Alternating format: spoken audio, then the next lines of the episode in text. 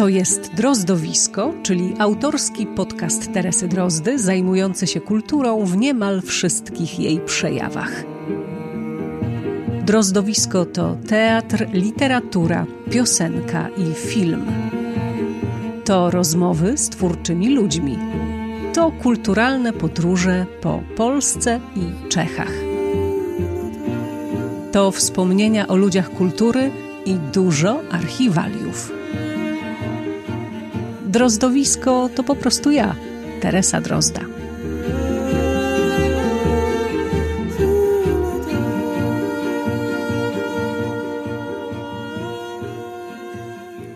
Od dawna chciałam odezwać się do Was z ogrodu, żebyście usłyszeli tę poranną ptasią symfonię. No i dzisiaj jest. Dzień dobry. To siedemnaste drozdowisko, w którym rozmowy i spotkania nie wymagające chyba jakiegoś specjalnego wprowadzenia, wszystko powinno tłumaczyć się samo. No a ponieważ ostatnie odcinki były bardzo teatralne, dzisiaj będzie o piosence, nowej reporterskiej książce i o filmie a dokładnie o festiwalu filmowym w Koszalinie. Natomiast zanim zaczniemy, chcę Was e, poprosić, żebyście, nie wiem, znajomym, przyjaciołom, rodzinie opowiadali o e, takiej jak moja, ciągle jeszcze alternatywnej wersji radia, no bo mm, tym przecież jest. Staram się, żeby było drozdowisko, a nowi słuchacze są jak powietrze, żeby się rozwijać absolutnie niezbędni i naprawdę nie wszyscy jeszcze wiedzą, czym jest podcast i jak podcastów słuchać. No i pamiętajcie też, że każdy, ale naprawdę każdy wasz komentarz, mail, like jest dla mnie jak przytulenie. Mhm, nie żałujmy sobie tego. Natomiast jeśli komuś w podcaście brakuje muzyki, to przypominam, że w każdą niedzielę od 10 do 11 na antenie Radiospacji, radiospacja.pl możecie słuchać Drozdowiska Music, gdzie gram po polsku i po czesku najczęściej, a jeśli ktoś audycję przegapi, to również można ją znaleźć na stronie www.radiospacja.pl w zakładce podcasty. No i jeszcze powinnam pewnie powiedzieć o patronite.pl i o tym, że bez patronów także trudno będzie drozdowisku powstawać, ale to może zostawię sobie na kolejny tydzień i na nasze kolejne spotkanie. No to start! To jest Drozdowisko, a Państwa i moim gościem jest y, dziś Adrianna Godlewska. Witaj, dzień dobry. Witam Cię, kochane moje drozdowisko. E, I spotykamy się z Adrianną po to, żeby rozpocząć e, taki cykl trochę wspomnieniowy, trochę edukacyjny, trochę otwierający, trochę wracający do starych czasów. E, taki cykl poświęcony Paryżowi, a przede wszystkim francuskiej piosence, którą Ty kochasz. Tak, ja kocham francuską piosenkę i to jest chyba mm, jakoś tak doszłam metodą badań naukowych, że to chyba od urodzenia. po prostu tak. Ponieważ ta piosenka francuska istniała we mnie zawsze w moim domu i we mnie. I, i oczywiście to jest y, temat, który jest niewyczerpywalny, że tak się wyrażę. Ale ponieważ y, rozumiem, że to jest nasze pierwsze spotkanie, to ja myślę, że będzie nie od rzeczy powiedzieć parę słów nie mojego autorstwa, ale autorstwa wybitnego artysty Aznawura, który tak się wyraził o piosence. I myślę, że to jest takie przesłanie, które mi towarzyszy zawsze i które mm, może i komuś z Was będzie towarzyszyć. Więc to jest tak. Cóż powiedział Aznawur? Piosenka. Ona biegnie raz tutaj, raz tam, przechodzi przez serce, i pamięć, przez usta i uszy, a czasem wchodzi do nóg. Zaskakująca, przejmująca, wzruszająca, niewytłumaczalna. Nie odpowiada na pytanie dlaczego lub jak. Mówi do wszystkich. Nieważna jest religia, kolor skóry, czy jesteś biedny, czy bogaty. Ona się rządzi swoim prawem, przebija mury, przekracza granice. Ona towarzyszy ci wszędzie. Bawi cię, pomaga marzyć, usypia dziecko i rozśmiesza cię. Pojawia się w literaturze, w wojsku, w polityce, w liturgii, dziecinnych śpiewkach. Jest moim Bogiem, tak powiedział Aznawur. Piękne, ale... Całym swoim życiem, jak gdyby udowodnił to. Ale to nie jest koniec tego, co on powiedział. Jeszcze jest parę słów, a mianowicie, jeśli bym naprawdę wiedział, co to jest piosenka, to bym wam powiedział. Ale dla każdego jest czymś innym.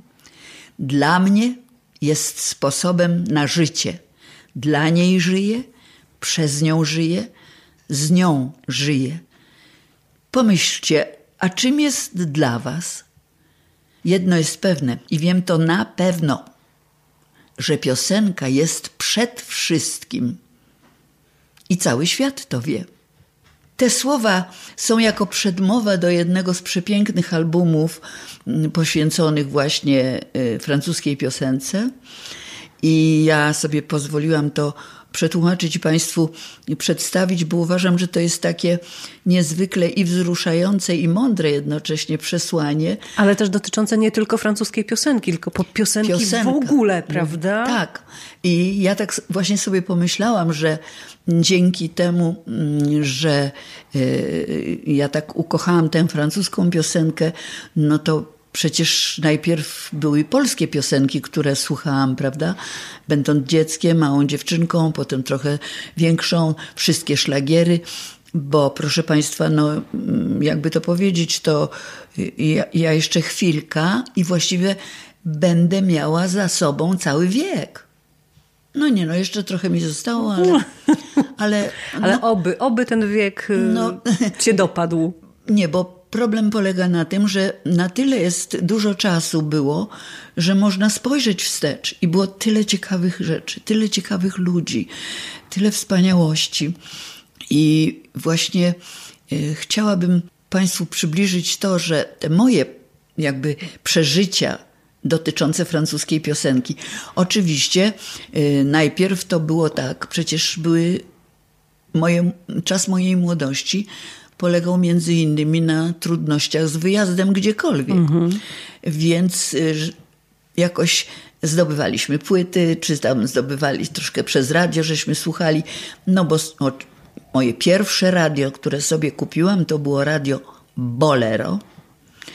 I od razu słuchałam Music USA Aha. i Radio Luxemburg. No Więc... właśnie y, o to chciałam zapytać, o to Radio Luxemburg, czy, czy, czy ono grało w ogóle francuską piosenkę? Grało. Ale oczywiście, że grało, więc ja w nocy słuchałam, bo, bo to były w nocy te audycje nadawane przeważnie, to było ciekawe, ale mm, na przykład gdy ktoś z moich przyjaciół, bo były osoby, które miały rodzinę mm, albo fragmenty rodziny za granicą i od czasu do czasu jakieś płyty dostawali, to wtedy myśmy się zbierali y, w kółko takich słuchaczy gdzieś u kogoś w domu i słuchaliśmy Nat King Cola albo na przykład y, nie wiem, no, chociażby nawet y, Armstronga, czyli po prostu jazzu amerykańskiego, no i francuskich piosenek oczywiście też.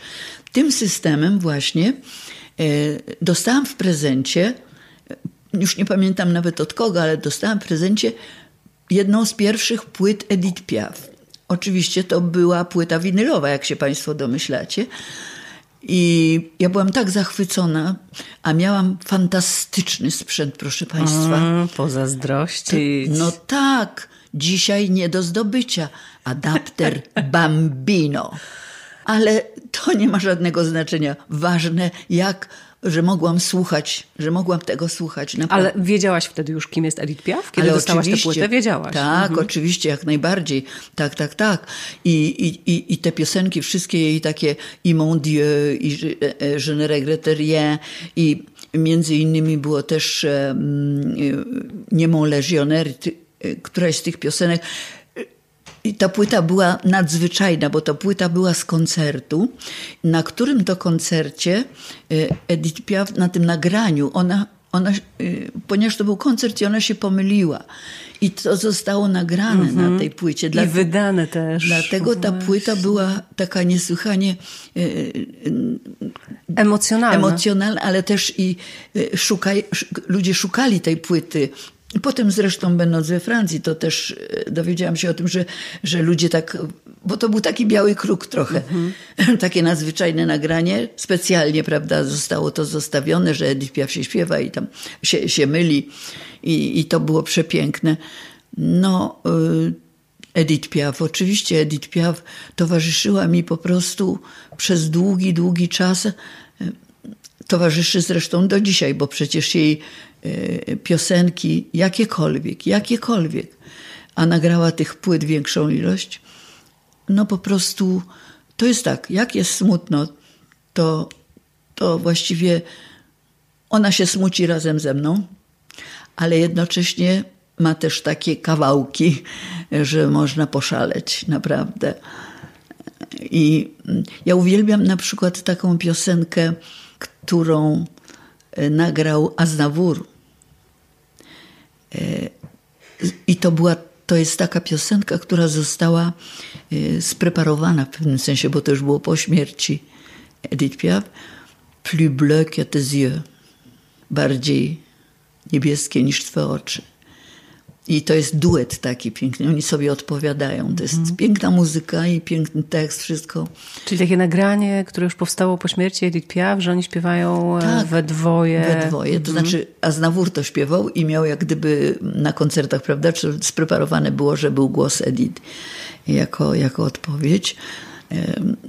W każdym razie, ale jeszcze mówiąc o Edith, tak jak mówię, że mi towarzyszy całe życie, ale był taki kulminacyjny moment, kiedy ja e, byłam na jej koncercie w Olimpii. W Paryżu. No, no w Paryżu, proszę Państwa, bo problem... Przepraszam, tym... no, ale muszę to dopowiadać. Tak, więc problem polega na tym, że francuska piosenka po prostu nie istnieje bez bycia w Paryżu. I po prostu, ale jak się raz pojedzie do Paryża, to już po prostu nie da się stamtąd wyjechać. Można wyjechać fizycznie, ale głowa, serce, wszystko zostaje. I tak też było ze mną, że ten mój pierwszy wyjazd do Paryża e, był niesłychany zupełnie, na bardzo krótko, ale jednocześnie z wielką przygodą, bo to było w ramach wymiany studenckiej, ale nie zupełnie do Paryża konkretnie, tylko uczelnie dostawały zaproszenia czy możliwości na, na jakieś wyjazdy za granicą. I, I można sobie było wybrać dokąd, tak? Nie, nie no skąd przydział, przydział był. I ponieważ no wiedziałam, że szkoła teatralna też dostała jakiś taki, taki przydział, wobec tego spacyfikowałam moich kolegów będących w komisji przydzielającej złapałam biednego świętej pamięci Jasia Kociniaka, złapałam za, za frak i mówię, ja muszę, ja muszę, ja muszę. Do Paryża? Nie, on nie wiedział gdzie, ale ja Wszystko muszę. Jedno. Wszystko A, jedno. rozumiem. Po prostu. Po prostu, tak. Ale oczywiście, oczywiście że, że, że, że to był taki azymut na Paryż, czy na Francję w ogóle, prawda? Ale myśmy dostali wtedy to miejsce do Austrii. Przepiękny wyjazd zresztą był i tak dalej ale ja już miałam, miałam swoje systemy na to, żeby, żeby jakoś się przemieścić. To jest jeszcze osobny rozdział, bo to jest taki rozdział tego wyjazdu studenckiego jednocześnie, który, gdybym teraz zaczęła opowiadać, to się to jest taka historia socjalizmu po prostu. Może to jest z takich specjalności pewnych, które wtedy w tamtych latach miały miejsce, prawda? Bo nas było z uniwersytetu, z innych uczelni, nas była jakaś dosyć duża grupa tych, do tej Austrii, co mieliśmy jechać i mieliśmy paszport zbiorowy. Okej. Okay. I mieliśmy paszport ale ja musiałam mieć paszport osobisty, dlatego że ja już Musiałam miałam tej, namiar, że chciałam z tej Austrii wyskoczyć do, do Francji. Francji, bo miałam zaproszenie już. Ten paszport zbiorowy był w posiadaniu kierownika tej całej wycieczki, a liści ja wcześniej się zorientowałam, że nic nie stoi na przeszkodzie, żeby mi ta sama uczelnia wydała, znaczy biuro paszportowe, żeby mi dało paszport indywidualny. Co też się stało, że ja po prostu złożyłam wniosek tak zwany, dostałam ten paszport indywidualny i to było świetne, ponieważ wszyscy myśleli, że, znaczy było tak, patrzyli na mnie bokiem, że tak ja troszeczkę podejrzana osoba, no bo jak to paszport indywidualny, kierownik też ma paszport indywidualny. Coś A, czyli tutaj. będziecie zwiewać. Nie zwiewać. Nie mam, nie było mowy o zwiewaniu. Mowa była tylko i widocznie, że po prostu jesteśmy pilnowaczami i, i po prostu kablownicy. Mhm, rozumiem. Wróćmy do Edith i do tego koncertu, na którym byłaś w Olimpii. E, to nie było podczas tego pierwszego e, krótkiego pobytu w Paryżu, e, do którego uciekłaś z Austrii. Czy to było wtedy właśnie? Nie, nie, nie, nie, nie, nie absolutnie, nie, nie, nie. To było po wielu, wielu latach, już pod koniec, w ogóle pod koniec życia właściwie. To już był taki jeden z ostatnich koncertów Edith Piaf. I ja się dostałam to był nadzwyczajny koncert i ona reprezentowała wtedy tego swojego ukochanego Teo Sarapu, z którym wcześniej wzięła ślub i nauczyła go śpiewać jednej piosenki pod tytułem A quoi ça sert l'amour? I to było wzruszające. Ja do dzisiaj pamiętam tą, teraz by się powiedziało Paryżek czy Warszawka, w każdym mhm. razie był tu Paris, czyli cały Paryż był na tym koncercie. Ja oczywiście stałam na stojących miejscach, no, dosłownie przy samych drzwiach prawie, bo przecież to w ogóle, że ja się tam dostałam, to był cud. I to było niezwykłe przeżycie, niezwykłe przeżycie. Kiedyś się zapalił e, reflektor i kurtyna się nie odsłoniła, tylko za kurtyny wyszła, trzymając się ręką w czarnej sukience maleńka Edith Piaf. I był po prostu taki aplauz, że naprawdę ściany rozsadzał. Ale naprawdę przeżycie i jej śpiewania, i w ogóle tej legendy i tego wszystkiego, e, no to było coś nadzwyczajnego. Oczywiście publiczność, to, to, to, to całe towarzystwo takie elitarno, mm, wspaniałe, e, no natychmiast nas, owacja, mm. owacja na stojąco. To było wielkie, wielkie, wspaniałe przeżycie. I w związku z tym to mi zostało w sercu zawsze, a ja do Państwa mam teraz taką, takie przesłanie, że naprawdę słuchajcie piosenek w wykonaniu Edith Piaf. One są wszędzie. I na płytach, i w radio, i tu, i tam, ale naprawdę trzeba posłuchać, bo to jest, to jest przeżycie za każdym razem, z każdą piosenką, coś niebywałego zupełnie. A jak będziecie chcieli, to opowiem wam o różnych piosenkach, o czym one są i kiedy były śpiewane, kiedy były grane. No bo to jest przyjemnie wiedzieć coś o artyście. To jest bardzo przyjemnie wiedzieć coś o artyście. Tak, no my niestety tutaj e, w podcaście e, mamy ten problem, że nie możemy e, jako przykładów tych piosenek wam zagrać. Możemy tylko podawać ich tytuły, ale te piosenki mamy cały czas w domyśle. I e, do tej opowieści o Paryżu, o francuskiej piosence będziemy wracać. Gdybyście chcieli napisać, e, skomentować, cokolwiek powiedzieć, to e, wszelkie możliwe kanały komunikacyjne są otwarte. Ten, myślę, najprostszy, mailowy, drozdowisko małpa gmail.com. Mm, Adrianna Godlewska powróci do drozdowiska. Ja Ci bardzo dziękuję za to pierwsze spotkanie. Ja też jestem szczęśliwa i witam, znaczy witam i żegnam wszystkich jednocześnie. Do zobaczenia. Do usłyszenia. Do usłyszenia, tak.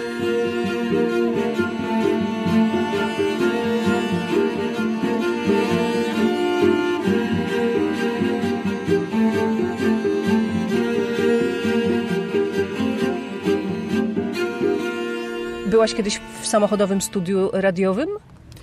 Wiesz, to ja sama parę razy nagrywałam rozmowy w samochodzie, ponieważ jest dobra akustyka. Tak, ale jeszcze ja wywiadów w samochodzie nie udzielałam. Jest luksusowo. Bardzo się cieszę. Magdalena Grzebałkowska e, zagościła w Drozdowisku ze swoją najnowszą książką, która nosi tytuł e, Wojenka. To jest ten skrócony e, tytuł, ale no wszyscy tak o tej książce mówią. No i przyjechałaś naprawdę na długo do Warszawy i też już strasznie się nagadałaś o tej wojence. I to zawsze dla mnie jest taki problem. Czy jeszcze coś mogę wymyślić takiego, o czym ten autor nie opowiadał, co go nie znudzi? Ty potrafisz fajnie o tym wszystkim opowiadać, ale, ale ja, ja zawsze do takich rozmów przystępuję ze strasznym stresem. Nie, no, no nie denerwuj się. nie zjesz mnie. Nie zjem cię. Y, zdaję sobie sprawę, jak bardzo ważna jest promocja książki. Jestem bardzo gadatliwa. Jestem sama reporterką, więc wiem, jak to jest być z drugiej strony. Y, lubię rozmawiać z dziennikarzami i i nie widzę problemu. No w końcu, jeżeli piszę książkę i proszę wydawnictwo, albo wydawnictwo chce tę książkę y, wypromować, żeby trafiła do czytelników, to trzeba o niej opowiadać. I za każdym razem staram się mówić y, troszeczkę inaczej, chociaż muszę przyznać, że już mi się w głowie zaczynają układać takie bonmoty, które uważam, że są y, dobrze wyjaśniające pewien temat, ale nie przejmuj się, że że już to gdzieś powiedziałaś. Że gdzieś to już powiedziałam, bo tak jest po prostu. No sama to wiem, jak jestem z drugiej strony. No, y, tak, no ja też oczywiście wiem, że tak jest. Trochę tak, wiesz, tutaj kokietuję i w ogóle tak, prawda, buduję atmosferkę rozmowy. Ale chyba zacząć chcę od tego, bo w Wojence pojechałaś do tych swoich bohaterów, rozmówców, y, naprawdę z trudnymi pytaniami e, i z trudnymi pytaniami zadawanymi po kilkudziesięciu latach od chwili, kiedy e, pewne wydarzenia w ich życiu miały miejsce. Czy było trudno ich otworzyć? Jadę, wchodzę do domu, proponują mi kawę lub herbatę, siadamy i sobie rozmawiamy. Y, zawsze jest oczywiście small talk, y, ale to jest cudowne, bo Zawsze z każdym człowiekiem można znaleźć chociażby malutki punkcik, punkcik wspólny. Czy to jest szklanka, która stoi, wiesz, w segmencie, czy to jest jakieś zdjęcie, czy to jest grzbiet książki. Coś, co, co cię połączy z tym człowiekiem. I ale nie robię tego cynicznie. Nie myślę sobie, że wchodzę i wiesz, rozglądam się i myślę sobie, no dobra, tutaj to, ta. Nie, to wychodzi spontanicznie. I potem y, no, muszę się przełączyć na odbiór, a to jest u mnie trudne, ponieważ ja dużo gadam i pierwsze wywiady, które robiłam w życiu, to połowie przerwałam ludziom, bo miałam sama do powiedzenia coś szalenie ciekawego, to musiałam się tego nauczyć.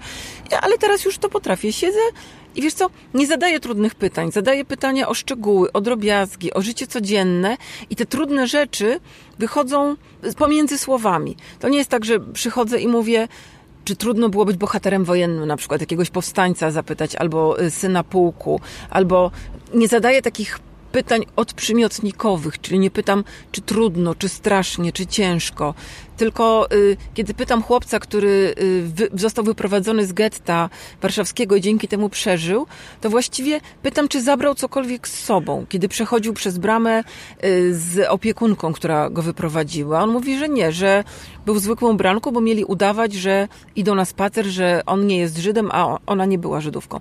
I wiesz, takie uruchamiają sprawy. Zaczynać od małych rzeczy i kończyć na małych rzeczach, a z tych małych rzeczy czytelnikowi potem się układa być może duży obraz, ale bez patetyzmu taki.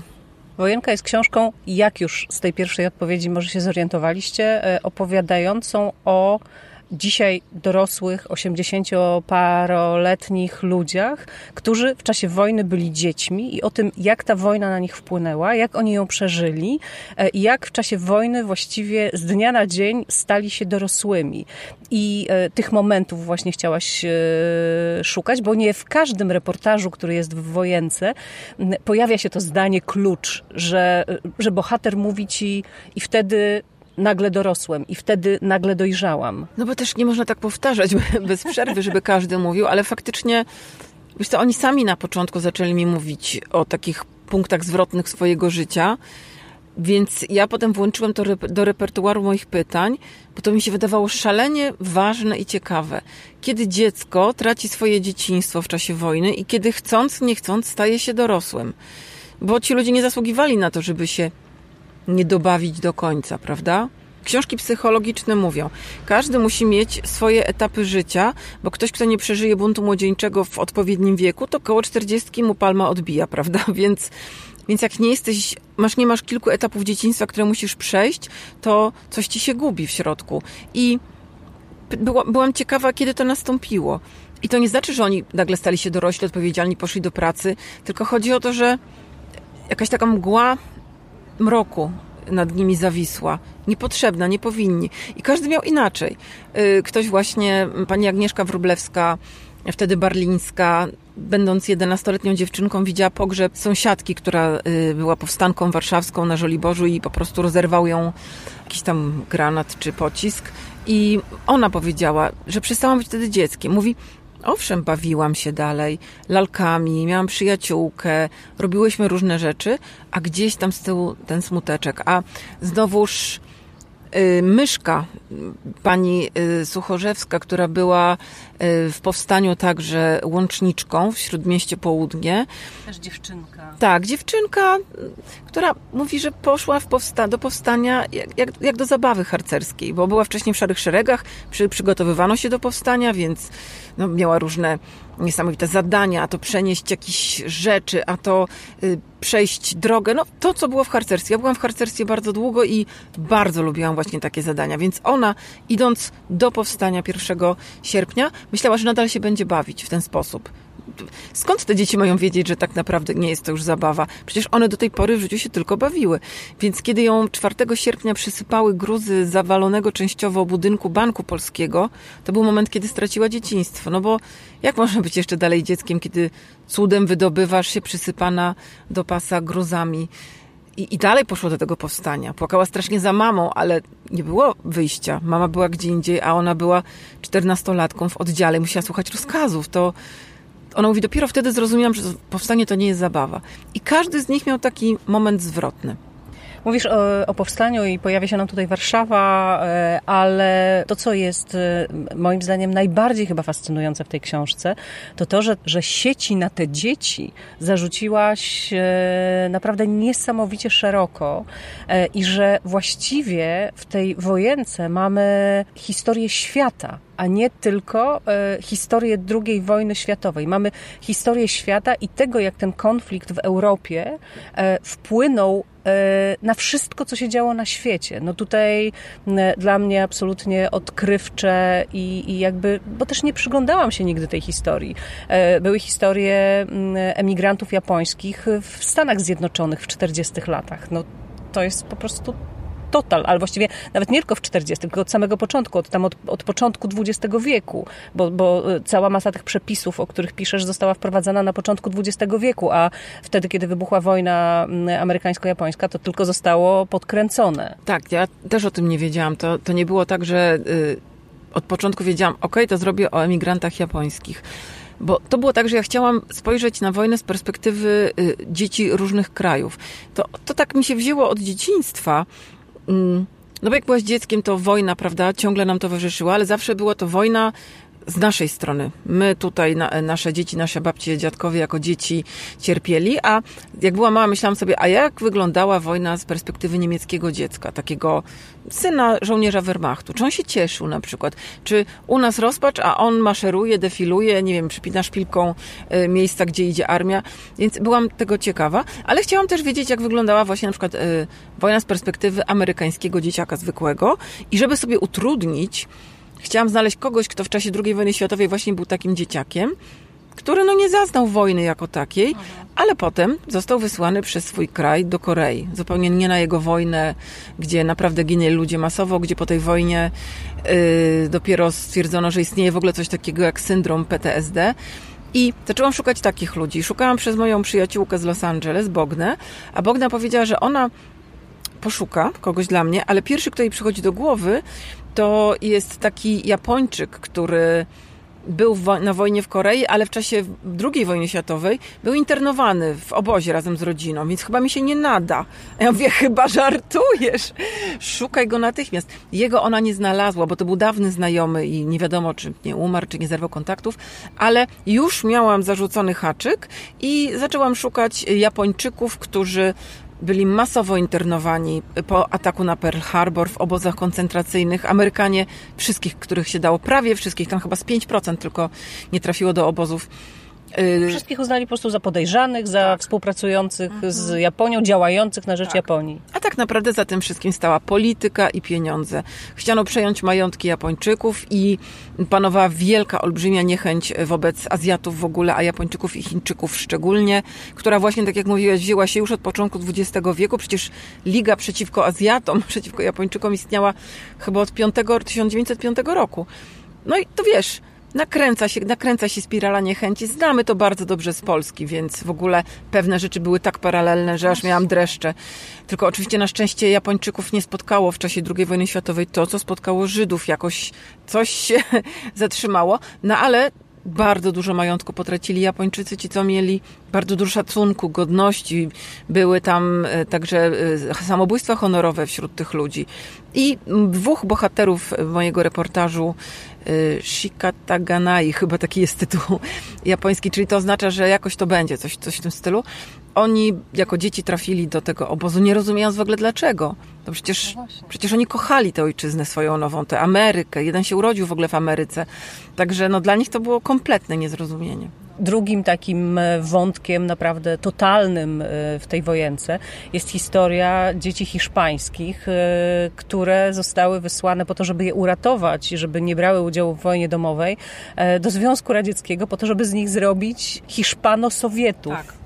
Tak, dokładnie. Hiszpano-Sowietów chciano z nich zrobić. To jest też rzecz, to aż się wstyd przyznać, że takich rzeczy nie wiedziałam. Ale wiesz? dlaczego to jest? Wiesz co, znaczy ja myślę, że to nie jest do końca wstyd, bo ponieważ ale to... No. Ale to też świadczy o tym naszym takim polskocentryzmie, nie? Że wiesz, w Japonii oczywiście o tych Japończykach to jest bardzo popularna rzecz. Japoń... Amerykanie to znają. No dobra, jeszcze Ameryka to jest jeszcze daleko od nas. Ale ja w ogóle się fascynuję. Jestem hiszpano-fanką, tak jak ty jesteś czechofilką. Ja jestem hiszpanofilką. A jednak czegoś takiego takiego oczywistego nie wiedziałam. Okej, okay, to zmienia postać rzeczy. tak, że, że jak była wojna w Hiszpanii, to właśnie postanowiono uratować przed no, przed cierpieniami, śmiercią i tak dalej. E, Biedą, głodem, no, tak. niebezpieczeństwem wszystkim. Różne kraje świata postanowiły pomóc dzieciom hiszpańskim, a zwłaszcza baskijskim, ze strony republikańskiej i zaczęły brać do siebie. To były kraje typu Meksyk, Chile, Francja, Wielka Brytania, Belgia i Związek Radziecki. Związek Radziecki zgodził się przyjąć y, i zaopiekować trzema tysiącami dzieci. Oczywiście Stalin nie robił tego z dobrego serca. To jest moment, kiedy on właśnie robi największą wielką czystkę w Rosji. To nigdy nie był dobry człowiek. Natomiast Natomiast y, Stalin y, bardzo chciał, żeby wygrali oczywiście komuniści w Hiszpanii, bo on chciał uczynić z Hiszpanii kolejną Republikę Radziecką. To miała być taka przyczółek komunizmu w Europie na Zachodzie i zgodził się przyjąć te dzieci, licząc na to, że one zaraz wrócą do rodziców, a już ci rodzice, no tam już, tam już NKWD bardzo działało w armii republikańskiej, więc, więc jakby wygrali y, wojnę republikanie, to naprawdę by tam się działo y, komunistycznie, po stalinowsku. Ale niestety wygrało drugie zło, bo, bo nie uważam, że zwycięstwo Franka było czymkolwiek lepsze. I te dzieci nie mogły wrócić, bo to były przeważnie dzieci republikanów, komunistów, anarchosyndykalistów. I Stalin wtedy w porozumieniu z partią komunistyczną Hiszpanii, która przeniosła swoją działalność do Moskwy, postanowili, że te, tymi dziećmi się zaopiekują. Te dzieci trafiły w luksusowe warunki. Mówimy o tym momencie, kiedy w Rosji jest szalona bieda. W Związku Radzieckim y, jest dopiero parę lat po Wielkim Głodzie, gdzie ludzie się wzajemnie zjadali, a te dzieci żyją Y, w takim luksusie. Na przykład wyrzucano dzieci radzieckie z domu dziecka i w to miejsce na przykład osadzano dzieci hiszpańskie. Oczywiście nie można mieć pretensji do dzieci hiszpańskich. One tak, to, miały... nie była, to nie była ich tak. wina, oczywiście. I one też nie miały pewnie w ogóle świadomości tego, co się dzieje. No. Chodziło o to, żeby im wyprać mózgi, żeby myślały, że są w raju. No i w takim raju były do 41 roku. Miały wspaniałe jedzenie, wspaniałą naukę, miały ubrania, zabawki. Tak, i... Y, podręczniki były tłumaczone na tak. hiszpański, radzieckie tak. podręczniki tak. tłumaczone na hiszpański bo na szczęście y, nie y, zrusyfikowano ich, no bo one były potrzebne jako przyszłe kadry partii komunistycznej w Hiszpanii. I eksperyment się udał o tyle, że oni dopiero mogli po 19 latach wyjechać ze Związku Radzieckiego, tylko że od 1941 roku już nie było tak pięknie, no bo Związek Radziecki przystąpił do y, wojny światowej i, no, i spadły im warunki, właściwie zeszli do takiego poziomu dzieci radzieckich, już zwykłego, ale wiesz, ziarno y, rzucone w glebę zakwitło i większość bardzo kochała Związek Radziecki i panowie, którymi akurat mi się udało porozmawiać w kraju Basków, jeden, jak wrócił do Hiszpanii, to mu ta miłość do Związku Radzieckiego minęła. To on przejrzał na oczy. Ale drugi pan, z którym rozmawiałam, no to jest, wiesz co, takie takie coś jakbyś oglądała film dokumentalny, kronikę filmową z lat 50. Siedział w łagrze za to, że ukradł y, bo pracował w fabryce i strasznie mu się zdarł kombinezon, w którym pracował. I on ukradł z magazynu tej fabryki kombinezon, żeby lepiej pracować na rzecz Związku Radzieckiego. Bo mu nie chcieli legalnie tego kombinezonu tak, wydać. Y, zalegały półki, tylko nie, bo nie, bo wiadomo, system komunistyczny to jest szaleństwo. I w związku z tym został zamknięty w Łagrze za kradzież. I co? I odsiedział swoje chyba 6 lat w Łagrze. Ciężko pracował w kopalni gdzieś, a teraz on mi po tych tam kilkudziesięciu latach mówi, że komunizm, proszę pani, był dobry. Tylko ludzie go wypaczyli. A on mówi, a co ja, że pracowałem w Łagrze? Wszystko jedno w Łagrze czy na wolności, tu praca i tam praca, więc a, takie no, szaleństwo. No to, to, to, to prawda, to było dosyć, powiedziałabym, takie e, szokujące. I jeszcze mówił, że zasłużyłem. Tak, tak, tak. I oczywiście mówi, że zasłużył i że w ogóle taki był głód w Związku Radzieckim po wojnie, że on kradł z kolegami Hiszpanami, chleb ukradł raz, ale mówi, ale należało mi się, że mnie złapali tam i był jeszcze w areszcie wtedy. Ja mówię, no dobrze, pan kradł, ale Rosjanie też kradli. O nie, proszę pani, Rosjanie nigdy nie kradli. No to wiesz, on takie coś to może mówić, nie wiem, Francuzowi. Ja jestem z Polski. Ja, ja pisałam wcześniej książkę, w której było o szabrze. A poza tym to nie musiała pisać książkę. Każdy wie, jak było. Więc, a on mówi, nie, nie, Rosjanie nigdy nie kradną, tylko my, Hiszpanie, mają takie, mamy takie podłe charaktery. Więc ale no, uroczy ten pan w tym wszystkim i nie piszę tej książki, nie pisałam tej książki po to, żeby oceniać albo żeby mówić mu jak było, bo mnie interesuje jego prawda, to co on pamięta, to co on przeżył i, to, i, no, no, i dla reportera jego opowieść jest. Ale oczywiście dopeł, dopełnia cały ten obraz i też pokazuje cały czas te niejednoznaczności. I to, że my dzisiaj patrzymy z takiej, a nie z innej perspektywy, to nie znaczy, że wtedy tak to widziano. No po prostu. No to, to, to są, to są oczywistości, ale takie oczywistości, które trzeba ciągle, trzeba ciągle i ciągle powtarzać. Ale oczywiście, że tak. W ogóle wszystko trzeba ciągle powtarzać, dlatego że kompletnie się nie uczymy od historii.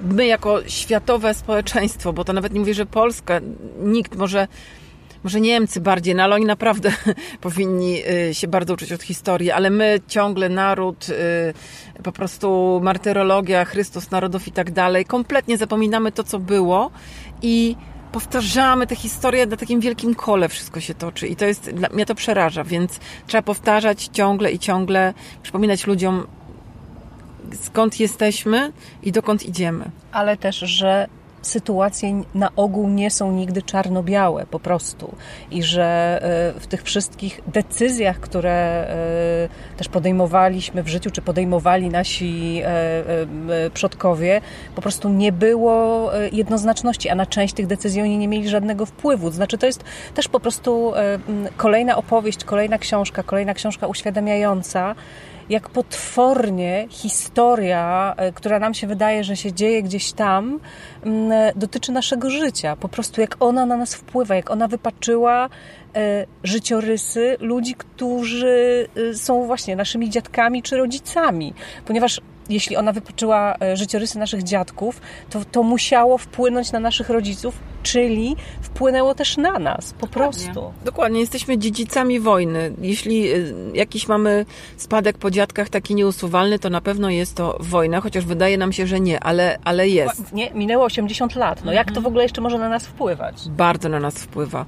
Ci ludzie wyszli z traumą z wojny, ich rodzice, jeżeli przeżyli, wyszli z traumą z wojny i przekazywali to następnym pokoleniom i, i, nam też to przekazali. My sobie tego nie uświadamiamy w ogóle, ale, ale tak jest.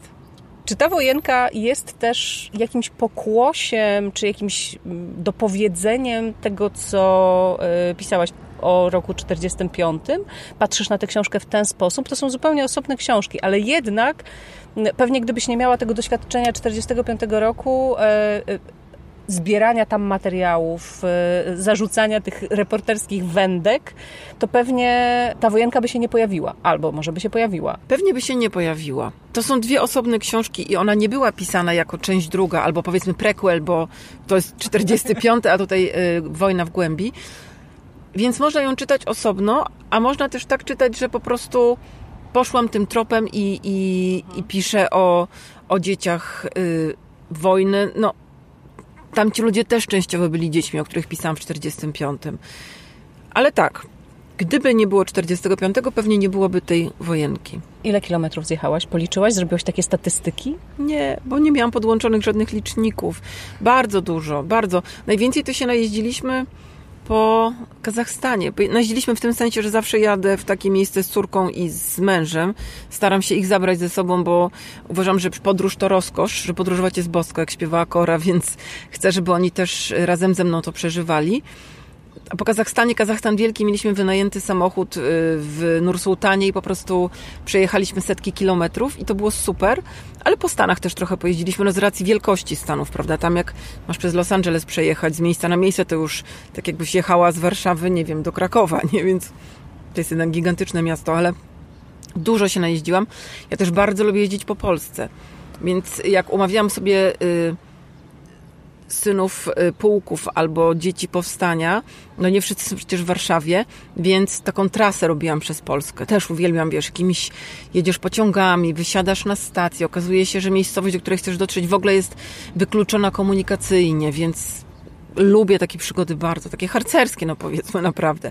Bardzo dużo kilometrów, ale w ogóle wtedy mi nic nie przeszkadza. Ani pogoda, ani nic jakoś tak, oczywiście jestem straszną taką księżniczką, że jak deszcz pada, jak jestem Magdą Grzebałkowską, to o Jezu, jest mój mąż się śmieje, że się roztopię z cukru. A jak jestem Magdą Grzebałkowską reporterką, to mówię, im gorzej, tym lepiej.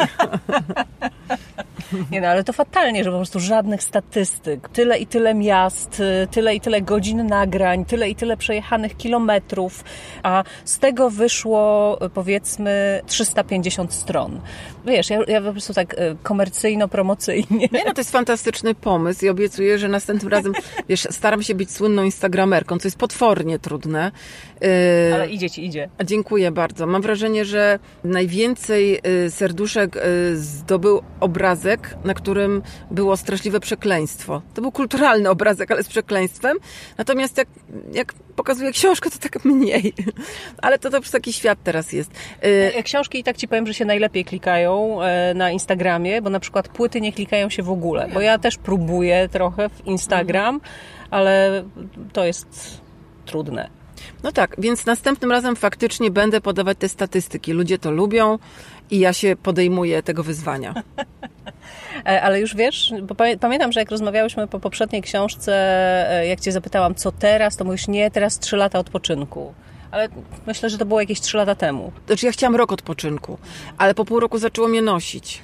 Teraz to ja mówię sobie, że pół roku sobie dam, bo to chyba tyle potrzebuję, żeby wypocząć.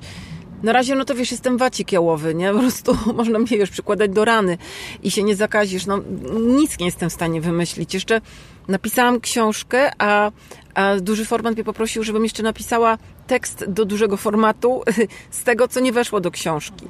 Bardzo mi było żal jednego tematu, więc go dałam, ale to było tak, jakbyś była maratończykiem, skończyła bieg i podchodzi trener, mówi, no dobra kochanie, jeszcze stówkę sprintem, nie? Tak się czułam. Napisałam ten tekst, ale już na razie nie chcę nic pisać, nic nie chcę przez pół roku, a będę powoli sobie myślała nad następnym tematem. Rzuciłyśmy jako takie zahaczki kilka tych tematów, ale pojawia się w tej książce jeszcze, pojawiają się jeszcze Niemcy i pojawia się naprawdę niesamowity zupełnie bohater. Powiem Ci, że to też był arcyciekawy mm, reportaż, bo, bo z jednej strony tak oczywisty, a z drugiej strony E, gdybym ja myślała o tego rodzaju, e, nie wiem, książce konstrukcji, to chyba e, bym się nawet nie zebrała na odwagę, żeby pojechać do syna gubernatora, generalnego gubernatorstwa. Do Niklasa Franka, syna Hansa Franka. Tak, to wiesz co, on był wypadkową moich poszukiwań zwykłego niemieckiego dziecka nie syna nazisty bardzo wysoko mhm. postawionego, tylko chciałam znaleźć zwykłego dzieciaka, który w tamtym czasie, tak jak ci mówiłam, miałam wrażenie, że mógł być bardziej radosny niż polskie dziecko. I y, rozpuściłam wici wśród y, znajomych y, niemieckich, także Magdę Parys, która jest Polką, ale jest pisarką polską w Niemczech. I nie udało się znaleźć. Nie zgadzali się. Też nie było tak, że tam się zaczynałam, żeby szukać, ale dostałam kilka takich odmów, że nie, że nie chcą rozmawiać. Po czym y, właśnie o tym jest ten reportaż w dużym formacie. Y, dotarłam zupełnie okrężną, fascynującą drogą do pewnego pana, który był synem y, żołnierza Wehrmachtu. Wiesz, dotarłam do niego po prostu po poszukiwaniach detektywistycznych. Zaangażowano było w tym mnóstwo osób. Byłam pewna, że on się zgodzi rozmawiać, ponieważ weszłam w posiadanie listów, które pisała jego matka do jego ojca. Matka była w centralnych Niemczech, ojciec był e, na służbie na terenach Polski, co oczywiście było generalne gubernatorstwo. Więc myślałam, że zgodzi się pod pretekstem, że chciałby odzyskać te listy. Nie zgodził się. I wtedy, wiesz, tylko to było tak równolegle szło. Y, oczywiście kupowałam i czytałam bardzo dużo książek dotyczących dzieciństwa niemieckiego. No to pierwsze, co przychodzi do głowy hasło, to jest Kriegskinder, prawda? Dzieci wojny. I wpisałam takie hasło Kriegskinder. Y, nie znam dobrze niemieckiego, ale na tyle, żeby tam y, sobie to poczytać. I kupiłam parę książek i artykułów poczytałam o dzieciach wojny. A w Niemczech no najbardziej ciekawią Niemców y, no dzieci nazistów. Tacy są dla nich najbardziej interesujący. I yy, zobaczyłam, że byli różni, ale najbardziej ciekawe wydawał mi się Niklas Frank. Przez to, że on tak otwarcie źle mówi o swoim ojcu.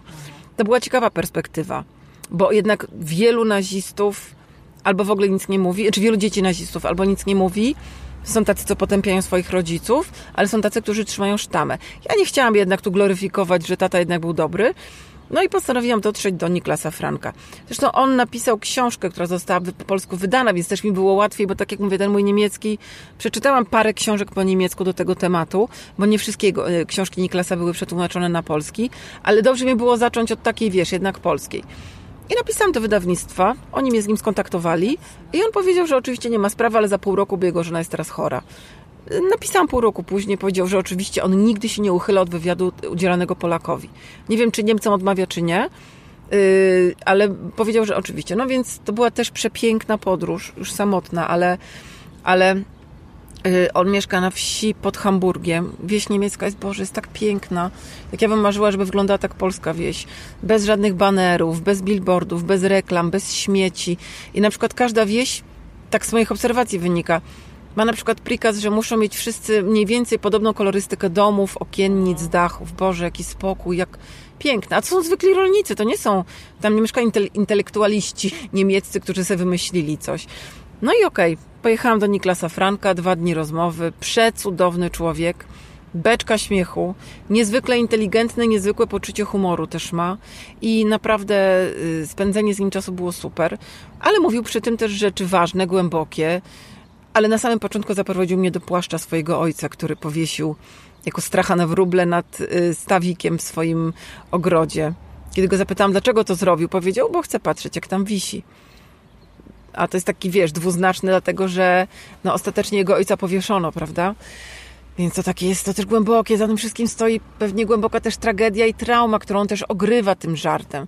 No bardzo ciekawy, bardzo interesujący człowiek, bardzo dobry człowiek, ale Niemcy za nim nie przepadają.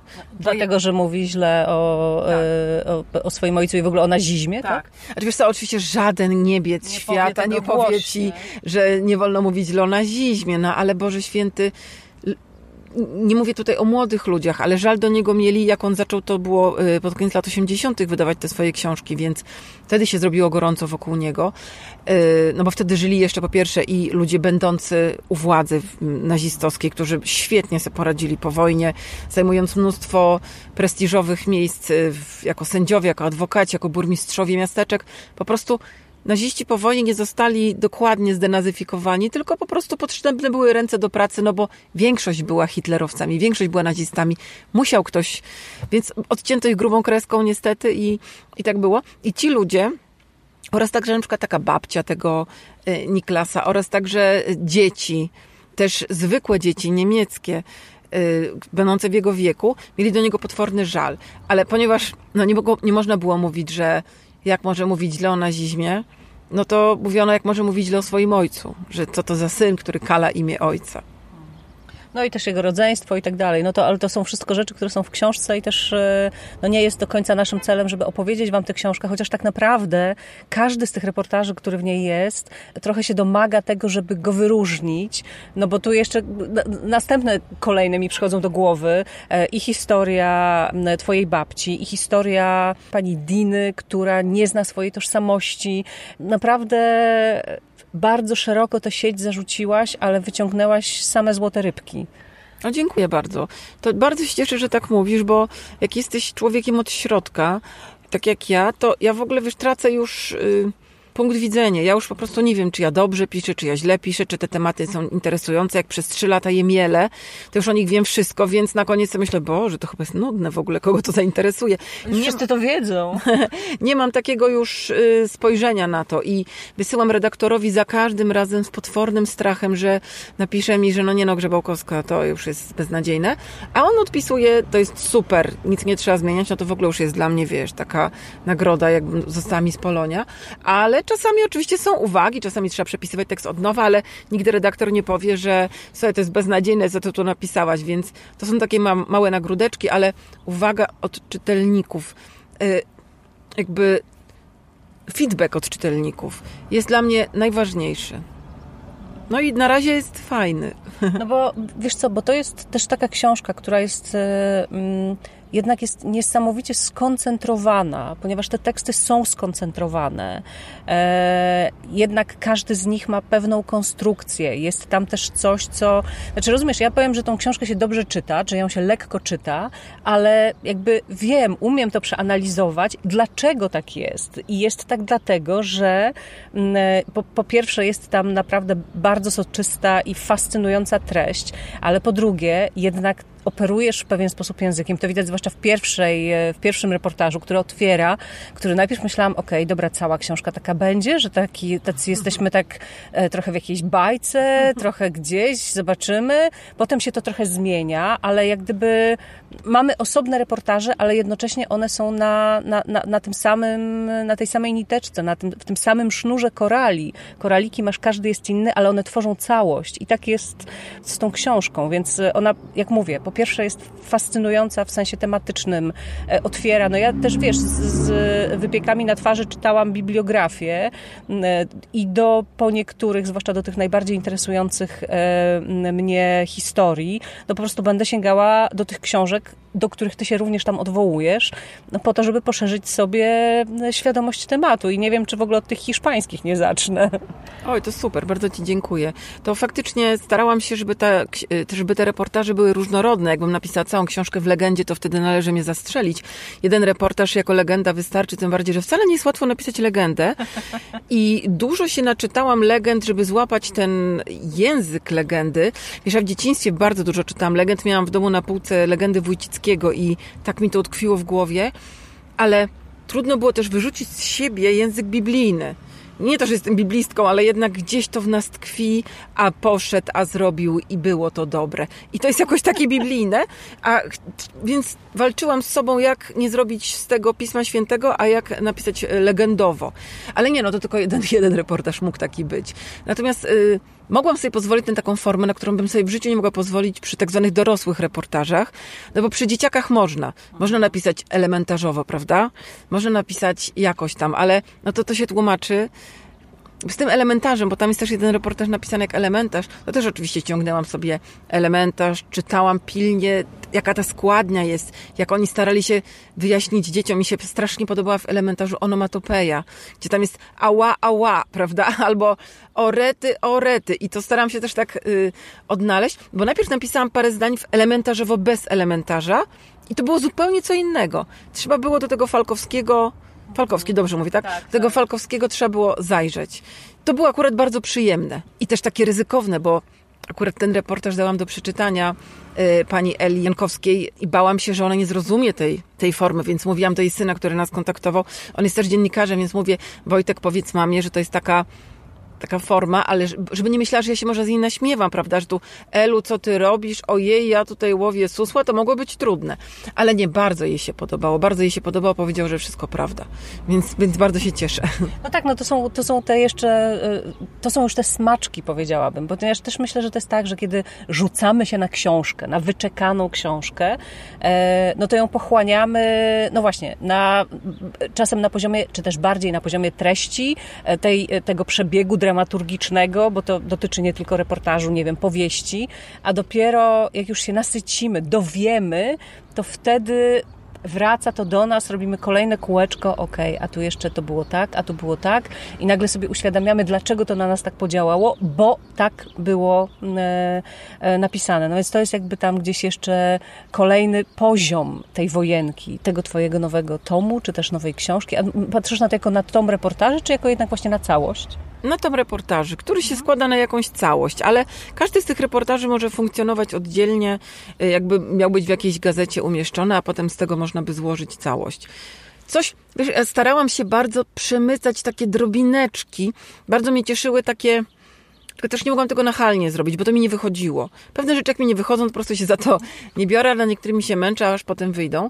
Czyli żeby prowadzi taką, żeby taka oś szła czasowa przez to, że ty wiesz, że moja babcia w tym momencie y, wyjeżdża na roboty, bo wysyła ją tam Hans Frank, a wcześniej był tekst o Hansie Franku i my już wiemy, kim był Hans Frank, znaczy o Niklasie Franku, ale jednak o Hansie też.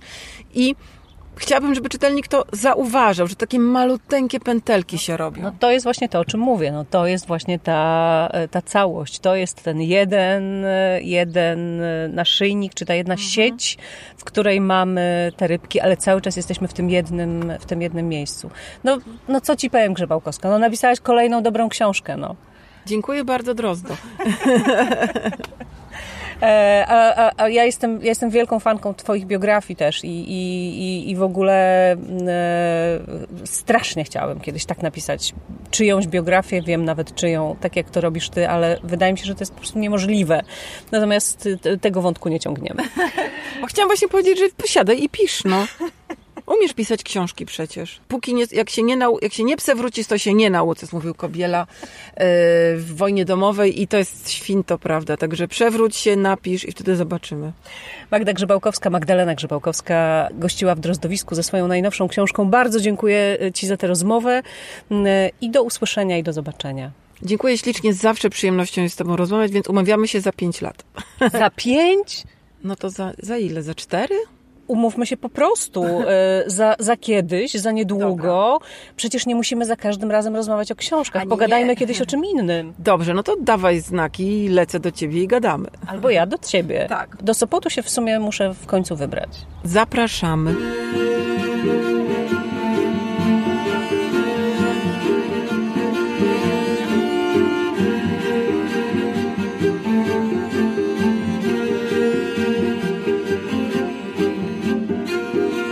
Ania Serdiukow. Siedzimy sobie pod piękną kwiaciarnią, tuż przy budowie e, linii metra na Brudnie. Natomiast nie zapytałam Cię, jaką Ty masz w tym roku funkcję na Festiwalu Młodzi i Film w Koszalinie? Mam funkcję podwójną, rzeczniczka prasowa i koordynatorka programowa. A, czyli dwa w jednym i to takie silne dwa w jednym, bo po prostu e, musisz e, na wyrywki znać wszystkie filmy i o każdym umieć opowiedzieć. To jest jedna rzecz, a druga rzecz to jest to rzecznikowanie, które często stoi w konflikcie do programowania festiwalu, bo ja bym chciała o wielu rzeczach powiedzieć, bo wiem, że one się wydarzą, ale na przykład jeszcze nie mogę, tak? I, i na mhm. przykład właśnie tutaj mam wiedzę, ale nie mogę jej użyć. I na przykład tutaj jest konflikt moich dwóch stanowisk, albo no więcej rzeczy może nie będę zdradzać, bo, bo no bo nie mogę właśnie. Jako m, ktoś, kto określa program, może nawet bym i mogła, ale jako rzecznik nie pozwalam sobie na to. Mhm. E, do festiwalu zostało 8 dni. Drozdowisko e, zostało na 40. Festiwal Młodzi Film do Koszalina zaproszone za co Ci bardzo dziękuję i z przyjemnością z tego zaproszenia korzystam, bo e, to jest taka rzeczywiście pigułka, ten festiwal, tych pięć dni, pigułka młodego polskiego kina, młodego oczywiście w cudzysłowie, bo tutaj e, e, nie kryterium wieku znaczy, tylko zupełnie inne kryteria. Rzeczywiście jest tak, że my nikomu nie zaglądamy w metrykę, co najwyżej w metryczki filmowe i, i, to, i to jest takim naszym flagowym przesłaniem. Ja pamiętam, że mieliśmy debiutantów i 16-letnich i dzwonią rodzice, pytają się, mój, film, mój syn nakręcił e, film i chciałby być w Koszalinie, chciałby go zgłosić. Czy, czy może, czy nie jest za młody, czy ma przyjechać z opiekunami, czy, czy może przyjechać? Ale też mieliśmy debiutantów po 70 i rzeczywiście jakby ten moment, kiedy się debiutuje, zależy od wielu różnych czynników, od okoliczności, od czasów, więc e, my jesteśmy, tak jak powiedziałaś, i to nas cieszy, taką chyba najpełniejszą platformą dla przedstawienia debiutów, ale nie tylko pełnometrażowych, jesteśmy platformą i chcemy być do reprezentacji nawet pierwszych filmowych wprawek i etiud. Mm, I w zasadzie te dwa konkursy, konkurs pełnometrażowych debiutów fabularnych i konkurs krótkometrażowych debiutów filmowych, to są takie dwa nasze filary i mam wrażenie, że to jest taka najpełniejsza w Polsce panorama tego, co na tym, tym starcie u filmowca może się wydarzyć. Zwłaszcza, że te e, młode filmy, nowe filmy, świeże, debiutanckie filmy, czasami trochę im brakuje e, wsparcia na wielu różnych polach, a to są filmy, które e, potrafią pojechać na międzynarodowe festiwale i te festiwale wygrywać i mieliśmy takie przykłady w ciągu 40 lat historii tego festiwalu, bo e, też Festiwal Młodzi i Film w Koszalinie odbywa się w tym roku po raz 40. Odbywa się po raz 40 i my rzeczywiście widzimy, jak ten debiut trochę zmienia swój status, bo mhm. kiedyś, jeszcze 10 lat temu na festiwalu debiutem określano pierwszy i drugi film twórcy. To się parę lat temu zmieniło, bo my chcieliśmy zawęzić to. I dla nas debiut to pierwszy film i tyle. Pełnometrażowy. Tutaj mówimy, debiut mhm. to pierwszy pełnometrażowy, kinowy film powyżej 70 minut. I tutaj w tym roku jest 10 filmów. Natomiast krótki... Mnóstwo, 10, naprawdę dużo. 10 dużo, ale no, trwały dyskusje i było... Czy mniej, czy więcej, tak? Czy więcej. Mhm. Bo filmów przyszło ponad 20. Mhm. Przyszły filmy robione poza instytucjami, poza dotacjami, robione w sposób amatorski, po partyzancku, były filmy z pogranicza sztuk wizualnych i kina, były filmy instalacje, były filmy, które też okazywały się, że nie były debiutami, e, były filmy na przykład fabularyzowane dokumenty. No to wszystko trzeba było obejrzeć, przedyskutować i sprawdzić, co się mieści w, naszym, w naszej selekcji. I tak naprawdę no, przede wszystkim my oglądaliśmy te filmy i wybieraliśmy je tak, żeby nie skrzywdzić twórców nawzajem. Żeby oni czuli, że rzeczywiście to jest platforma dla debiutu, pierwszego filmu, filmu powyżej 70 minut. Oczywiście dyrektor ma zawsze prawo głosu niejako nawet na kontrze do regulaminu, ale tu nie było takich aż ostrych sporów. Na przykład długo rozmawialiśmy o filmie Kraj, to jest, będzie premiera festiwalowa. To jest bardzo ciekawy przykład kina nowelowego. To jest film, który został wyreżyserowany przez młodych twórców z Warszawskiej Szkoły Filmowej. Opiekę artystyczną sprawował nad nimi Maciej Ślesicki. No i właśnie, film jest nowelowy, mozaikowy. Z, na, z tych wszystkich krótkich metraży, jest tam sześć krótkich metraży, tworzy się taki obraz po portret współczesnej Polski, ale trzy krótkie metraże wyreżyserowali twórcy młodzi, debiutujący rzeczywiście, a trzy z nich Maciej Ślesicki. Mhm.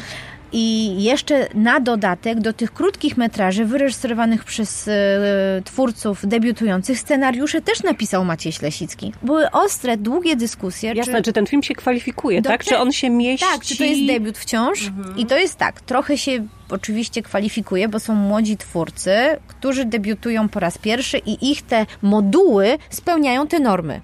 No tylko one są do 30 minut, więc może je wtłoczyć do krótkiego metrażu. No ale przecież współtworzą całość. Film e, no prawie dwugodzinny, więc to nie są krótkie metraże.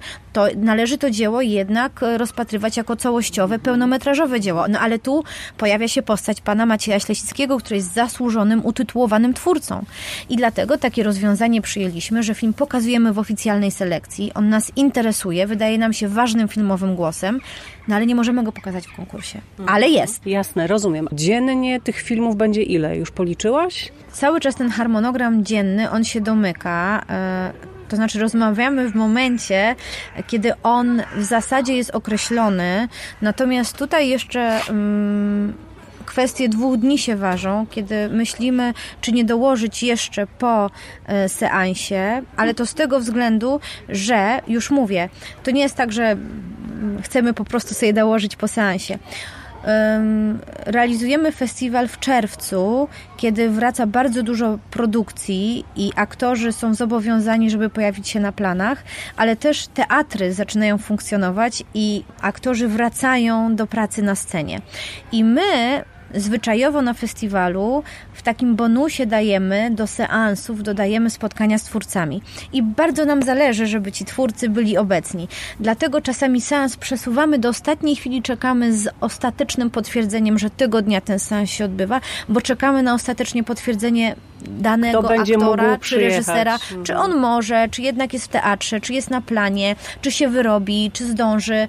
No bo to też nie może być tak, że ktoś to robi taki, no, czu- czuje opresję i, i, i my, y, po prostu wymuszamy spotkania. Nie, to ma być dla każdej ze stron przyjemność. E, Więc jakby te, te decyzje odnośnie programu, to one się ważą do ostatnich chwil, w zasadzie na tydzień przed festiwalem.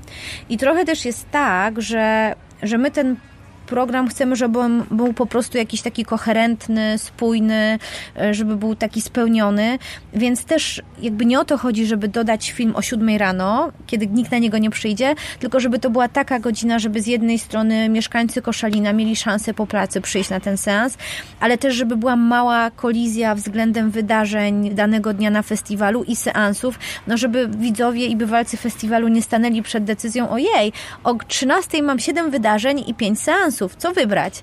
Bo to nie o to chodzi. No więc taka to jest trochę No matematyka. to jest akurat, no to jest matematyka, to są pucle, to są Tak. te układanki e, festiwalowe i e, oczywiście, no e, ja jadę na ten festiwal, przeżyłam go w ubiegłym roku i wiem, że w kinie się siedzi od godziny 10 rano właściwie do 22, 23 m, e, i czasami już się nie ma siły na spotkanie, czasami nie ma czasu na obiad. E, To wszystko się dzieje, ale też no, na tym polega cudowność tego bycia na, na festiwalu.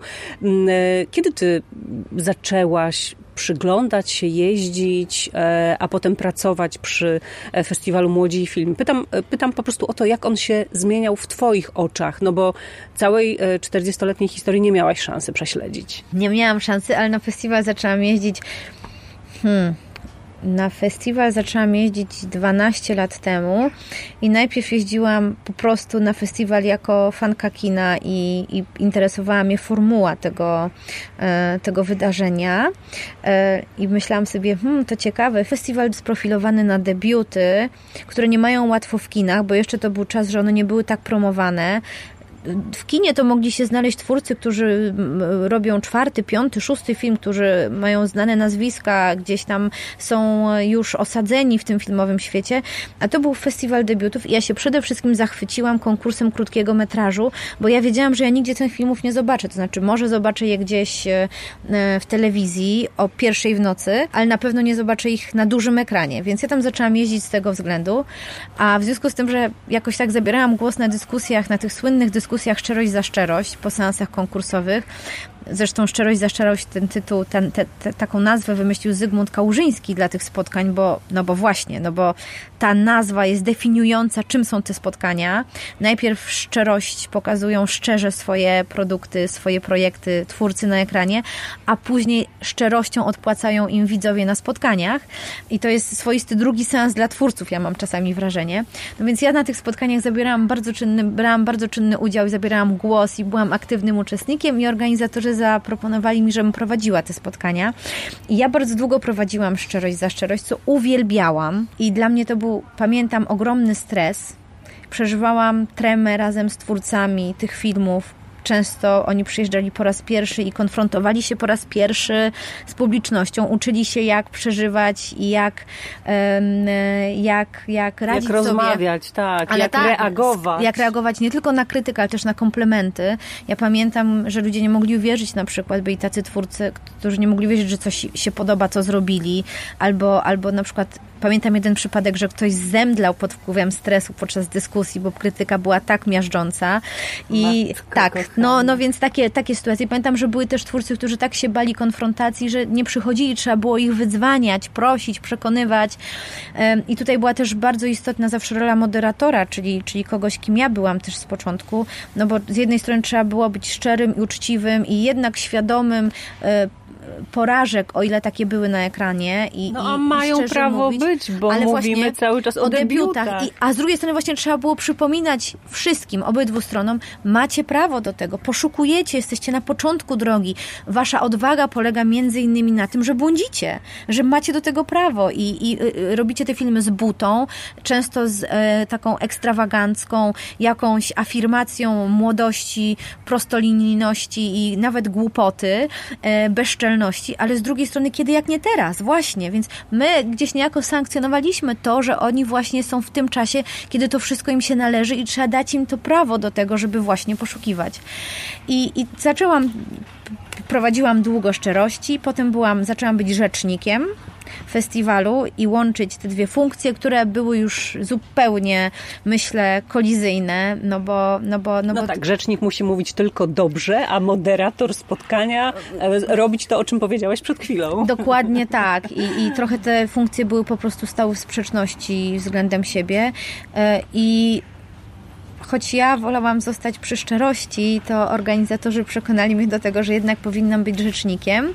E, no i dzisiaj jestem rzecznikiem, ale jestem też koordynatorką programową i muszę powiedzieć, że ta funkcja mm, bardzo mnie cieszy, bo określanie profilu festiwalu, który się zna, który się kocha, z którym się w pełni utożsamiam, i za który biorę pełną odpowiedzialność. Mhm. To jest naprawdę świetna robota. Znaczy, mhm. Dla mnie rozwijająca, uświadamiająca mi, czym jest kino dzisiaj, jak ono się zmienia i też to ta funkcja stawia przede mną nowe wyzwania, że ja cały czas muszę być na bieżąco i, i właśnie patrzeć na rozwój tego kina, na to, gdzie są dzisiaj twórcy, jak to kino się zmienia, jak się zmieniają nośniki, e, e, jak się zmienia język kina, ale też forma nawiązywania kontaktu z publicznością.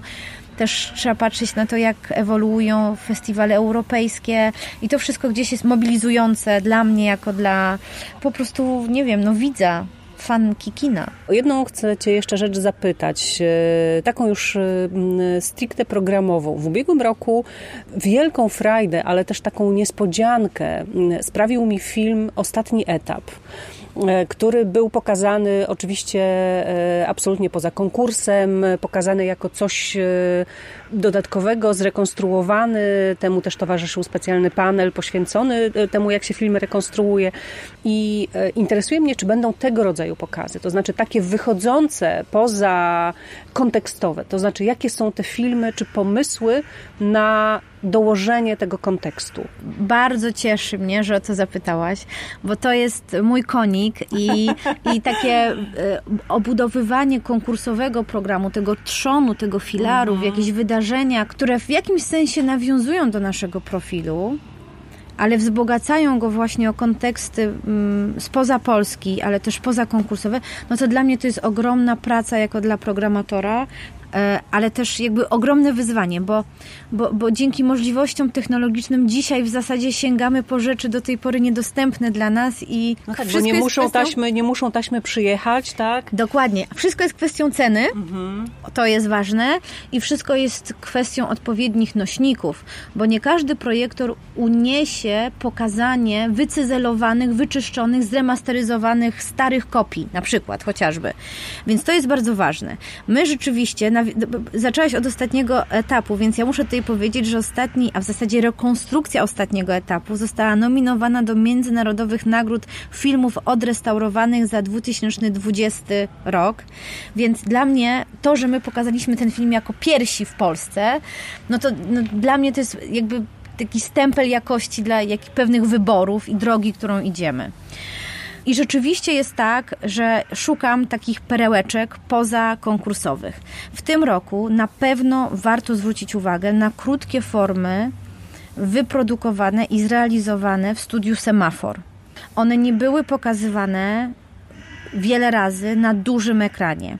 One gdzieś były na różnych małych przeglądach, były w e, Instytucie Audiowizualnym pokazywane, pewnie gdzieś pojedyncze egzemplarze można zobaczyć, czy można było zobaczyć na Ninatece, ale nigdy nie były zebrane w blok 13 krótkich metraży i te 13 krótkich metraży, krótkich form animowanych, to są naprawdę, jeśli chodzi o autorów tych filmów, to są no po prostu flagowe nazwiska polskiej animacji i szkoły animacji w Polsce, które przez lata wyznaczały trendy i kierunki nie tylko w Polsce, ale i w Europie. Jasne, czyli to nie są najnowsze jakieś produkcje Semafora, tylko z całej historii tego studia La, filmowego. Lata 40., 50., 60., Czas. 70. Dobra. To są naprawdę też nieznane filmy filmy Zbiga Rybczyńskiego na przykład. To już nie jest tango, ale też filmy, o których naprawdę, których, których, których nikt nie zna. Więc my zebraliśmy w taki blok te wszystkie filmy, te krótkie formy i prezentujemy je całościowo.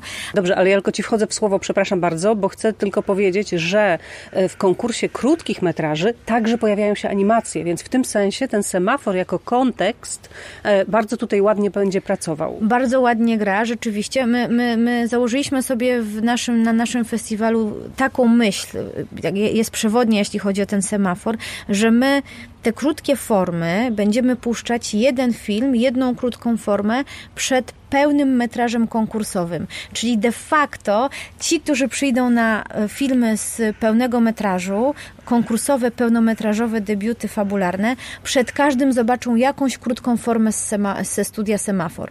Ale uważamy, że jest to po prostu rzecz no, po prostu nie do przecenienia i że dorzucamy to w bonusie jako taka, jak, jak, jak przed każdym filmem taką perełeczkę. Później zbieramy te wszystkie krótkie formy, a nawiązując do tego, co powiedziałaś, do tych krótkich metraży konkursowych, ja w ogóle mam poczucie, że y, Młodzi i Film, że nasz festiwal robi taką trochę pracę u podstaw. Dlatego, że często filmy animowane kojarzą się widzom w Polsce i w ogóle z filmami widzą, dla dzieci. Z filmami dla dzieci, że to po prostu Disney, że to...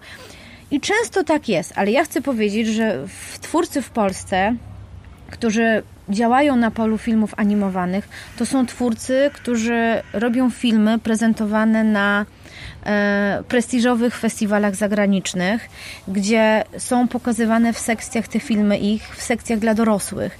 To nie są trywializowane filmy dla dzieci, uważane, że gdzieś to są poranki dla rodzin z dziećmi. To są filmy, które są cenione, to są filmy właśnie pozycje dla dorosłych. Wspaniale jest, jeśli taki film łączy pokolenia i jest dla dziecka, i dla dorosłego, ale nie zawsze tak jest. E, ja mam cały czas wrażenie, że my nie doceniamy kina animacji w Polsce i że ono, ono nie ma takiej definicji, dla kogo ono jest, po co ono jest, jak je czytać. E, nie mamy wykształconej na tym polu publiczności, więc dla nas na festiwalu jest bardzo ważne, żeby w ramach tego krótkiego metrażu, tego konkursu krótkometrażowych debiutów filmowych, animacje były doreprezentowane i one zawsze są. I mamy nawet nagrodę która ma wyróżnić i uhonorować najlepszą animację, ale poza konkursem w tym roku pomyślałam sobie, że wspaniale byłoby pokazać tak naprawdę skąd ten świat animacji w Polsce się wziął i, i z czego on wyrósł. A my mamy ogromne zasługi na tym polu. Studio Semafor to jest flagowa instytucja, która naprawdę e, no tutaj pomagała twórcom w realizacji no, często przedziwnych wizji, ale dla mnie, jak obejrzałam te 13 filmów, to ja mam takie poczucie, że to są filmy, które mogłyby dzisiaj powstać. Tak jeśli chodzi o tematy, jak i o sposób realizacji, o formę. To jest nowoczesna, prosta, komunikatywna, dowcipna kreska.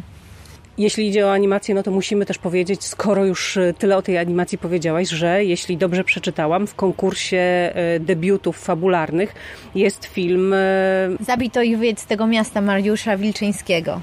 Tak, rzeczywiście. No właśnie. No a jeśli idzie o y, konteksty, no ja się chyba najbardziej cieszę, y, bo też już to zdążyłam w programie przeczytać, że pokazany będzie film Kraftówna w Krainie Czarów. To jest dokument, ale właściwie nie dokument, trochę fabuła.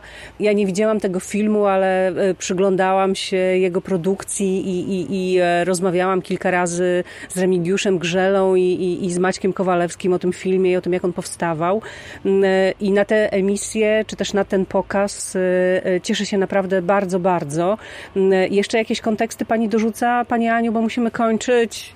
Drozdowisko jest z gumy, ale musimy dbać o słuchaczy. Oczywiście. Ja tylko do, do, dopowiem, że Kraftówna w Krainie Czarów to jest film otwierający blok pełnometrażowych debiutów dokumentalnych, bo ten blok był nieobecny w zeszłym roku Aha. przez pandemię, ale on ma tradycję i w ogóle dokument ma silną tradycję na festiwalu Młodzi Film. On był obecny od początku, ale my rok temu musieliśmy mocno okroić no tak, no program. pandemia. Tak, i to był taki, taki poligonowy trochę festiwal, to znaczy dla nas, jak organizować festiwal w czasie pandemii. I ten zeszły rok był taki. W tym roku powracamy do dobrych praktyk i powracają bloki takie pozakonkursowe, bloki, jak chociażby właśnie na dłuższą metę, czyli taki przegląd pełnometrażowych debiutów dokumentalnych.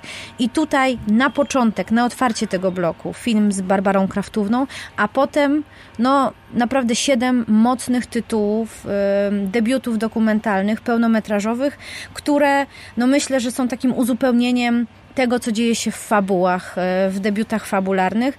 E, robimy to dlatego, że po prostu chcemy zwrócić uwagę, że te dokumentalne projekty, one są pełnowymiarowe, są tak samo rozbudowane, są, są tak samo trudne w realizacji. Dokładnie, jak fabuły, jak kino mhm. fabularne, epickie, kino robione właśnie e, w sposób taki, no nie wiem, z myślą o kinie, a też chcę zwrócić uwagę, że prestiżowe festiwale typu Berlinale do swoich konkursów głównych, fabularnych z założenia, włączają od jakiegoś czasu również kino dokumentalne. Po prostu kino to kino. Hmm. Ania Serdiukow, Anna Serdiukow, rzeczniczka prasowa 40. Koszalińskiego Festiwalu Młodzi i Film, a także e, koordynatorka jego programu, była gościem Drozdowiska. Jak mówię, nie wiem, czy w samym Koszalinie uda się nam pogadać, ale Drozdowisko w Koszalinie będzie i jakieś nagrania pewnie tam poczynie, więc jeszcze odpryski tej naszej wycieczki do, do Koszalina w podcaście się znajdą. Ja Ci bardzo dziękuję za zaufanie, za zaproszenie zaproszenie. E, odliczam już dni do wyjazdu, no i do zobaczenia. Do zobaczenia, zapraszamy do Koszalina i bardzo się cieszę, że mam drozdowisko w Koszalinie na Młodzi Film. A na koniec 17 drozdowiska jeszcze bonus. Dogrywam tę zapowiedź późnym wieczorem, też w ogrodzie, żebyście usłyszeli również ciszę mojego ogrodu. Mm, ten bonus to dzięki temu, że 4 czerwca 2021 roku spotkałam się z Barbarą Kraftówną na festiwalu Młodzi i Film w Koszalinie, o czym mówiłyśmy z Anną Serdiukow będzie miał również swój pokaz film Kraftówna w krainie czarów. I trochę o tym filmie chciałam z Barbarą Kraftówną e, porozmawiać, e, co, jak usłyszycie za chwilę, udało się tylko połowicznie. Zaprosiłam Basię Kraftównę w środku Warszawy, w centrum Warszawy, tuż przy Marszałkowskiej, e, do zacisza swojego samochodu i tam ucięłyśmy sobie krótką pogawędkę. No a zaczęło się od tego, że Barbara Kraftówna, z którą jestem po imieniu, zaczęła zaczęła się przyglądać mojemu e, rekorderowi, mojemu e, urządzeniu do nagrywania. No i mm, tak właśnie zaczęła to wszystko komentować. A to jest gąbka? Tak, to jest gąbka. I w ni niczym nie, nie tego? Ona nie wygłusza, nie wycisza? Nie, ona jest po to... Nie łagodzi, że tak powiem, jak wata w uszach? Nie, ona jest głównie po to, żeby wiatr trochę ochraniać mikrofon od wiatru, który to mikrofon jest bardzo wrażliwy i żeby e, chronić przed tymi nie, przed tymi strzelającymi spółgłoskami najbardziej. No. A reszta, a reszta to już tak. Kolor to absolutnie zajebisty. Czy to już włączyłaś? Włączyłam. No pewnie, że włączyłam. I słowo poszło? Poszło. A lubisz sobie słowa czasem użyć grubego? No, prywatnie oczywiście. Sama sobie. I co sobie mówisz? No, wszystko, co, co tylko znam. I ewentualnie to, to, czego nikt nie zna. To, to zdaje się, to byłoby bardziej mm, interesujące byłoby, ale nie chcemy wzbudzać sensacji. Chcemy powiedzieć kilka zdań o e, trzech facetach, a właściwie o jednym facecie, który nazywa się Remigiusz Grzela e, i z którym od wielu już lat współpracujesz. No a wasze najnowsze dziecko, dzieło to przepiękny, niesamowity, wspaniały film dokumentalny Kraftówna w krainie czarów. E, no ale chciałam o Remka jednak Cię zapytać. O to, jaki jest, jaka jest Wasza relacja? A to ciekawe pytanie, nawet to ostatnie. I tutaj się uchylę od odpowiedzi. W tej chwili tylko się uchylam. Na ten moment uchyliłam się i powracam do krainy czarów, o której wspomniałaś, którą to zresztą tenże tytuł zaczerpnął niejaki Remigiusz Żylach. Przecież bardzo mu za to jestem wdzięczna, że tak czujnie i obserwował, i rejestrował tak zwany mój, moją egzystencję, tak to nazwę. Bo, bo trudno nazwać czy życiorys. Oczywiście życiorys jest z, w egzystencji umieszczony. Czy będzie jeszcze jakieś pytanie wprowadzające? No, y, jaki jest Remigiusz Grzela? To jest zagadka, na którą powinna każda osoba, która go pozna, sama odpowiedzieć. Wielostronny, wieloraki. E, w związku z tym e, mogą być potężne nawet znaki zapytania. Jako, że jest, mm, tu mi słowa brakuje, mm, nieprzewidywalny w sensie twórczości. I to powtórzę to zdanie, nieprzewidywalny w sensie twórczości, co oznacza wszelakie możliwości przy jego wrażliwości i wszystko jeszcze, co się kończy na ści, to w zasadzie jest y, u Remka, czyli Remigiusza Grzeli, mm, absolutnie osiągalne. Można mu przypisać wszystkie ści. No, no prawie. No tak, tylko powinnyśmy się spytać, czy, czy, by, czy go to usatysfakcjonuje. To jest pytanie. Ja myślę, że ten Remek y, pojawił się w Twoim życiu i tak w nie wchodził i wchodził i był mądry, czuły i słuchający. I dzięki temu najpierw powstała Wasza wspólna książka, no a potem powstał ten wspaniały, niezwykły, piękny, wzruszający, mądry i czuły e, film. I muszę Ci powiedzieć, że e, Ty już weszłaś do historii polskiej kultury, e, teatru, filmu, po prostu do historii polskiej kultury, ale ten film też do historii polskiej kultury wejdzie, dlatego że moim zdaniem nie było jeszcze takiego filmu dokumentalnego w naszym kraju. W taki sposób zrobionego, tak pomyślanego, on otwiera nowe przestrzenie w ogóle do opowiadania e, historii życia ludzi. Tak mi się, e, tak mi się wydaje i naprawdę no, to jest niesamowite, że się dałaś na to namówić, że słuchałaś tych trzech szalonych chłopaków, bo to Remek i przecież jeszcze dwaj panowie reżyserzy, e, że, że ich słuchałaś e, i że się dałaś na to wszystko, co oni dla ciebie wymyślili, namówić, ale to, co oni wymyślili, wzięło się wcześniej z tej wrażliwości Remigiusza. On to w tobie najpierw zobaczył, a potem to dla ciebie napisał. To jest przepiękne. Słuchając tego, co usłyszałam, w zasadzie nie mam nic więcej do powiedzenia poza wielką satysfakcją, a jeszcze dorzuca tu zadziwię chyba w pierwszym mm, etapie ciebie, a potem może i słuchaczy, że i tak jestem nienasycona i w dalszym ciągu oczekuję.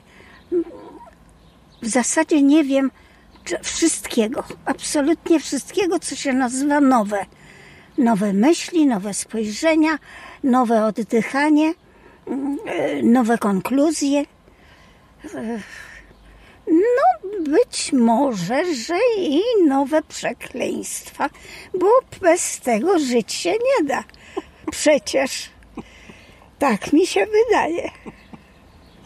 Czyli masz jeszcze siłę i chce ci się. Czy to pytanie dotyczy przekleństw? Yy, nie, nie, ciebie. A nie, aha, nie.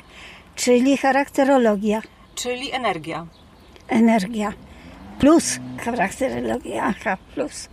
No to plus mi się nie wyczerpał. Jak do tej pory nie wyczerpał się, więc trudno mi nawet sama za siebie y, odpowiadać, w przedbiegu odpowiadać. To jak wygląda Twój dzień teraz? Ten po pandemii, ten w tym całym dziwnym czasie, w jakim jesteśmy. Niby pandemia się kończy, ale trochę jeszcze wszyscy się boimy. O której wstajesz? O której się kładziesz?